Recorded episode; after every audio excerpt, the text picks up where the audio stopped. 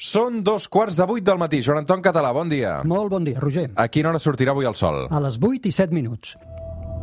3, 2, 1, seganya! It's one small step for man, one giant leap for mankind. Joan Anton Català, què tal? Aquí, tirant endavant. Anar suportant, anar Sí. aguantant. Això és La Terra es plana, la veu científica del programa, ja el coneixeu, Joan Anton Català, amb un munt de llibres i un munt de pedagogia per explicar. Aquest dimecres, eh, Joan Anton, vam estar molt pendents del cel perquè es va enlairar l'expedició 64 cap a l'Estació Espacial Internacional. Per què era tan important, això? Bueno, és, eh, diríem que s'ha convertit en rutina, no hauria de ser, eh, perquè anar a l'espai jo em temo que jo no ho faré mai, diríem. Uh, però sí que s'ha convertit en rutina cada sis mesos aproximadament canviar tripulacions. Uh, enviem aquesta expedició 64, porta tres eh, astronautes, eh, una noia americana i dos cosmonautes russos. En aquest moment són sis persones a l'estació espacial perquè coincideixen amb l'anterior expedició, amb la 63, però d'aquí uns dies la 63, 63 eh, retornarà. Com et deia, s'està convertint en rutina, però és que sempre hem estat molt pendents, perquè no deix de ser esport de risc, això, eh? Uh -huh. Escolta'm, eh, i ha anat bé? Sí, ha anat molt bé. De fet, es va batre el rècord de pujada, es va fer en 3 hores, una mica més, uns minuts més que 3 hores, això és el rècord de pujada, però eh, aquesta pujada que va anar tan bé, quan van ser allà 6 persones, es va detectar, de fet, s'havia detectat de fer setmanes una fuita d'aire a l'estació espacial, no posava en risc la tripulació, però l'haver-hi sis persones aquest problema amb l'aire s'ha greujat i han vist ja d'on ve, ve d'un eh, depurador d'aire d'oxigen en un mòdul rus, dels més antics que hi ha allà. Això, com et dic, no posa en risc a la tripulació, però sí que ens dona una indicació de que l'estació espacial se'ns està fent velleta i que en algun moment hem de començar a pensar què fem i com serà la propera. Com es construeix una estació espacial internacional? a l'espai. Es va construir com un mecano, hi ha unes animacions de la NASA i de l'Agència Espacial Europea que són increïbles, increïbles, alguna vegada les he piulat per Twitter, que es va muntar a l'espai, es va enlairar, s'enlaira amb naus un mòdul, tu imagina't doncs, una peça, i després, a poc a poc, es van enlairant les demés i es van acoplant una amb l'altra, lògicament això es fan passejos espacials d'astronautes que pugen amb naus, i a l'any 2000 va quedar enllestida l'Estació Espacial Internacional i ha estat habitada constantment des de l'any 2000, però clar, això són molts anys, són 20 anys a l'espai, amb molt d'ús, amb aquelles condicions, amb la tecnologia de final del segle XX, doncs mira, La hipoteca està pagada per això? És a dir, sí, sí, crec que la tenen uh, totalment pagada, està amortitzadíssima. El que passa és que si en fan una altra s'hauran de posar tots els, a tots els països que, que hi participen no? per veure la festa qui la paga, no? Exacte, aquí l'estan pagant cinc agències especials, però bàsicament els russos i els americans, són els que paguen la major part. Eh, ja veurem la, la, la propera. Suposo els europeus volen tenir, no, estic segur, els europeus volem tenir un paper més rellevant. Escolta'm, Joan Anton, eh, no vam comentar la setmana passada el Premi Nobel, eh, importantíssim, eh, i a més perquè per fi ha recaigut amb, amb una dona, no? encara que fos compartit en aquest cas. Premi Nobel de, de Física, se'l van repartir uns quants científics, eh, però precisament eh, ho volia comentar amb tu, Joan Anton. Sí, va ser la notícia, una gran notícia, primera perquè el Premi eh, Nobel de Física va tornar a caure a l'astrofísica, i estem d'enhorabona, en portem ja uns quants seguits, o quasi seguits. I després, com deies, perquè va recaure sobre una dona, van ser tres els premiats, eh, la noia es diu eh, Andrea Goetz, és americana, el Reinhard Genzel, que és eh, alemany, i el gran Sir eh, Roger Penrose de Gran Bretanya, britànic, que es reparteixen el premi, meitat va pel Roger eh, Penrose, l'altra meitat se l'han de repartir la Goetz i el Genzel. Joan Anton, i precisament el, el Nobel el que es premiava era la recerca sobre els forats negres, no? Sí, sí, va fort, aquest novel va fort. Eh, per una banda, el treball teòric del Penrose, que ara l'anirem explicant, de fa molts anys. I, de l'altra banda, el treball experimental per detectar un gran forat negre dins la nostra galàxia. Avui el suplement a la Terra es plana amb el Joan Anton Català, forats negres.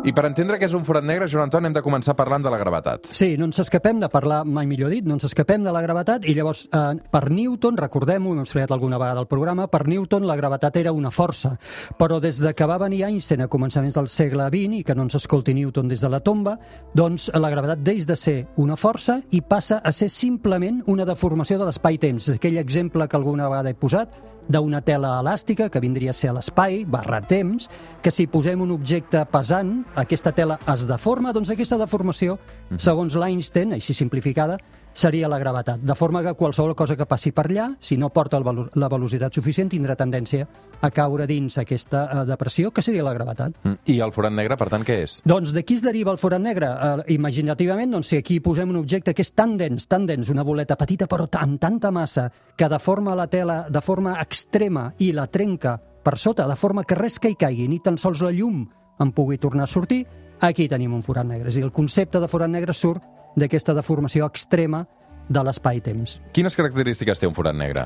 Doncs mira, curiosament, un forat negre, que és dels subjectes més enigmàtics i fascinants de l'univers, es descriu amb molt poques propietats. Una és la massa. Els forats negres tenen massa, com qualsevol altre objecte. N'hi ha de més massius, n'hi ha de menys massius.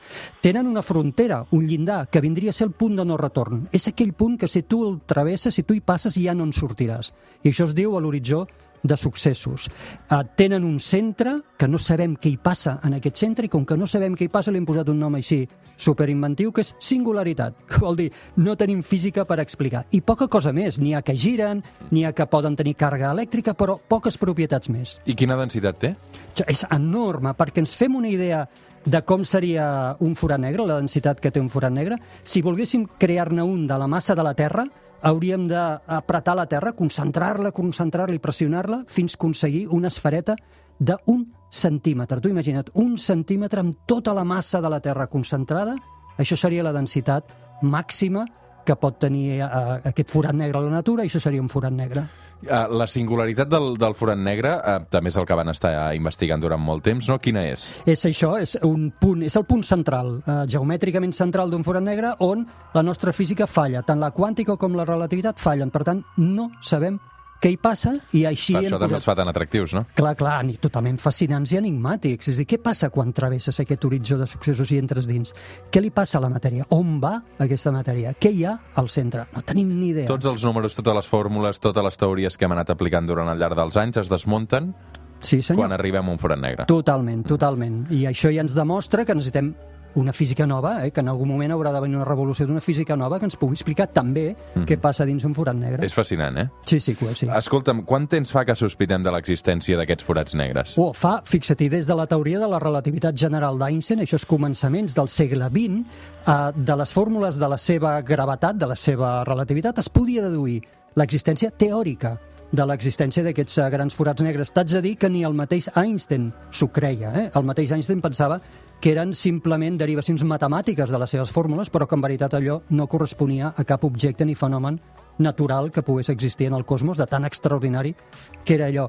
Van ser altres científics que, treballant amb les fórmules d'Einstein, a poc a poc van anar derivant i van anar creient que potser allò sí que existia. Potser allò no eren només trucs matemàtics, potser no eren només fórmules matemàtiques, sinó que eh, podien arribar a existir aquests enormes objectes que concentren matèria. I la forma com pensaven que podria produir-se això és en la mort d'estrelles gegants. En aquell precís instant, amb els instants del darrer sospir d'un gran astre, tota l'astre cauria sobre el centre i allà es comprimiria tant la matèria que allà podria néixer aquest forat negre. Però, com et deia, això era teòric.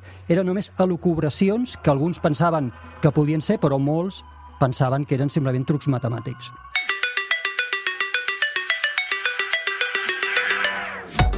Som al suplement, som a Catalunya Ràdio. Avui, eh, en aquesta Terra es plana, parlant dels forats negres, Joan Anton Català, eh, tot això era hipotètic. Quan es va demostrar l'existència realment que aquests forats negres hi eren de debò? Clar, van passar anys, com normalment passa en aquests, en aquests tipus de descobriments, i llavors cap a meitat del segle XX els astrònoms comencen a detectar, ja no en paper, sinó a la realitat, observant uns objectes molt llunyans, molt, dist molt distants i molt brillants que en van anomenar quàsars, que el primer no sabien què era. De fet, el nom diu quasi-estel·lars. Pensaven que eren com estrelles, però quedava clar que no ho eren, brillaven moltíssim, emetien molta llum, i allò Aquí ve el primer protagonista de la nostra història dels Nobels de Física. Allò va fer que eh, Roger Penrose, que era un matemàtic, astrònom, teòric, es posés a investigar, allò l'incentivés per investigar un altre cop aquestes fórmules d'Einstein que deien que es derivava aquest eh, hipotètic forat negre. I va el tio i descobreix, i per això ara se li dona el Nobel, però estem parlant de l'any 1963, 64, 65, descobreix que allò no són elucubracions matemàtiques, sinó que obligadament, i ho fa teòricament, eh, en paper, o en ordinador, vaja, eh, que obligadament de la relativitat general es deriva el fet que han d'existir els forats negres, és a dir, que han d'existir per força i que en algun moment s'han de trobar. Ja no és una elucubració matemàtica, ja no és la invenció d'uns quants, uh -huh. sinó que és una cosa real, però encara sobre paper. Això ho descobreix Roger Penrose, que és aquest eh, Premi Nobel eh, d'aquest 2020 que s'ha premiat per aquesta qüestió, però és que, clar, el que et volia preguntar és que això és una, una predicció que es va fer ja al 1964. Aquest senyor té 89 anys, no? El reconeixement sí. li arriba molt tard, no? Sí, sí. No Jo- podrà gaudir el premi gaire. eh? Bueno, jo penso que aquí hem volgut, l'Acadèmia vol evitar errors passats. Per exemple, recordem que Stephen Hawking no es va endur el Nobel, igual que altra gent, perquè no es dona títol pòstum. Llavors, què? Eh, o li donaven ara, 89 anys, o, o ja tornaven a fer tard. Pensem que el tema dels forats negres ha revolucionat l'astronomia, però no només l'astronomia, està revolucionant la ciència en aquesta inexplicable propietats que tenen dins que ens han de fer canviar la nostra física. No podia ser que deixessin passar eh, el fet de poder-li reconèixer a Penrose aquest Nobel. I efectivament li donen ara, passats moltíssims anys després que ell demostrés teòricament que havien d'existir.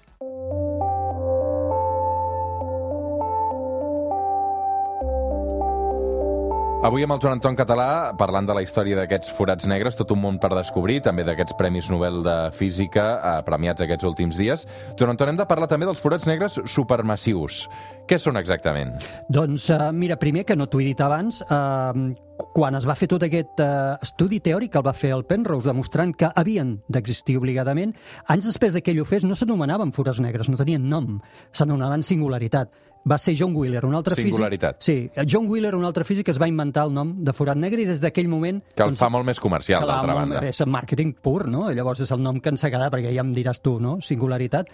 I eh, es va començar a sospitar, això que deia abans, que es formaven en la mort d'unes estrelles d'estrelles molt grans. Però també es va començar a sospitar que les grans galàxies podien tenir al centre eh, forats negres d'aquests que ara anomenaves supermassius, és a dir, forats negres encara molt més bèsties, molt més massius que els forats negres que queden com a remanents de la mort d'una estrella. I aquests són aquests objectes supermassius, entre altres galàxies que els té, la nostra Via Làctea en té un al centre, igual com quasi qualsevol altra galàxia. Això són, els anomenem forats negres supermassius. I quina relació tenen aquests forats negres supermassius amb l'altra part del Nobel d'enguany? Clar, i aquí venen els dos altres protagonistes, que són el, el Genzel i la, i la Goetz, que el que fan és, ja no estudi teòric, com va fer el Penrose fa molts anys, sinó recentment fan observacions i detecten, confirmen l'existència d'un forat negre supermassiu, d'una bèstia enorme, al centre de la nostra galàxia. I ho confirmen experimentalment, és dir, observant. Aquí ja no hi ha dubte, ja no és, ah, no, és que matemàticament... No, no, no.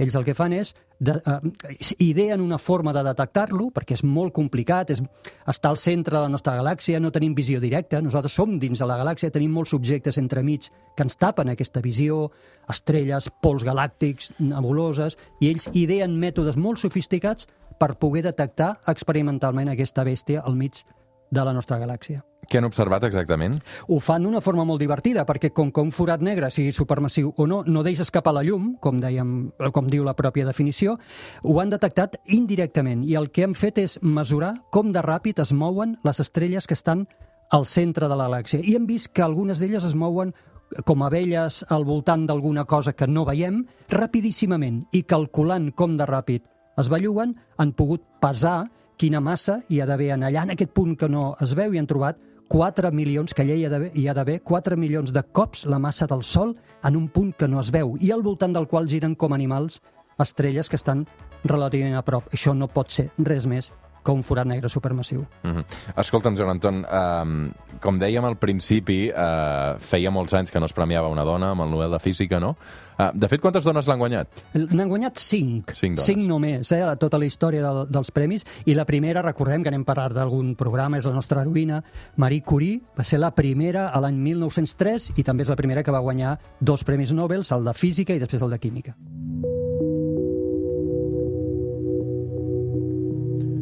Doncs per fi també un reconeixement eh, per les dones científiques, en aquest cas en forma de Nobel de Física. Què ens queda per descobrir sobre forats negres? Perquè és un món encara amb molta investigació, no, Joan Anton? Uau, ens queda tot, ens queda moltíssim. Uh, des de l'any 1970, que és quan realment confirmem l'existència del primer, eh? perquè recorda que Penrose ho va predir teòricament que havien d'existir obligadament, 1970 es descobreix el primer, ara els massius, els supermassius, eh, els acabem ja de confirmar definitivament, però, torno a dir el que dèiem abans, no sabem, no sabem què passa a dins d'un forat negre i s'han convertit en els laboratoris més extrems de física que hi pot haver a la natura i, per tant, per nosaltres són super interessants el poder detectar-los i el poder veure què li passa eh, als objectes que estan relativament eh, a prop. Eh, no sabem, com dèiem abans, què hi ha al centre, aquesta famosíssima singularitat. El fet de que no pugui ser explicat què passa dins ni per la quàntica ni per la relativitat fa pensar que no, no anem bé, és dir, que tenim físiques superbones, però que n'hi ha d'haver encara una molt millor, que les englobi les dues, que ens pugui explicar la natura tota ella, no només fora eh, d'un forat negre, sinó també dins, per què no?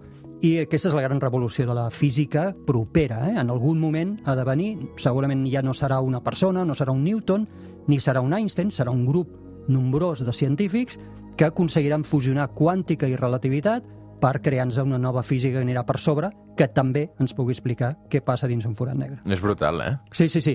Els forats negres, és que ja et dic, és fascinant. Quan parlo d'ells i faig conferències, són de les conferències que més se'm demanen. Forats negres, estrelles de neutrons, són aquestes bèsties on la nostra física o patina, el cas de les estrelles de neutrons, o simplement falla, el cas de, dels forats negres. Uh -huh. uh, o sigui, el que més et demana és forats negres i estrelles de neutrons. Sí, que bàsicament això està relacionat amb la vida de les estrelles, eh? eh que en parlàvem, de fet, la Són setmana pols passada. d'estrelles. Ah, exacte. I do, doncs aquest, aquest són pols d'estrelles, doncs al final de la cadena estem nosaltres, som pols d'estrelles, però també els forats negres que es formen amb les grans explosions de la mort d'algunes estrelles.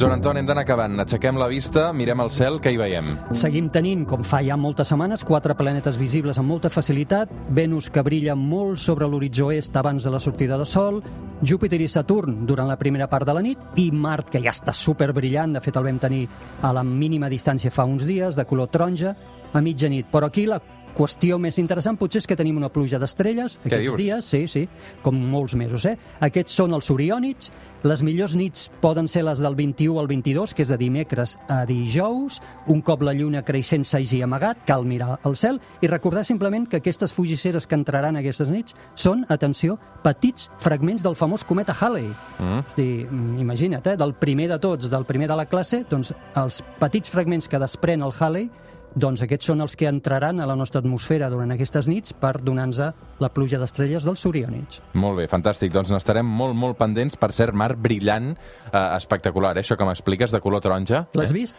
L'he vist, l'he vist, l'he vist. Me l'han bé. volgut, me volgut ensenyar, Bé, diguem-ho així, d'aquesta bé, manera. Ja no em podràs dir que no, que no, veus les coses que Ara, dic. aquest ja l'he vist, sí. Molt bé, sí, sí, sí, perfecte, més... Roger. El que passa és que, bueno, clar, des de Sabadell, a vegades a l'aire el tenim com el tenim, eh? Home, però és igual, brilla tant que es pot veure des de qualsevol lloc, des de plaça Catalunya tant, també. No enlluerna, eh? Home, no, no fa ombra. Si vols dir això, no, no fa ombra, no. Joan Anton Català, un plaer, com sempre. Igualment. Fem una pausa i ara tornem.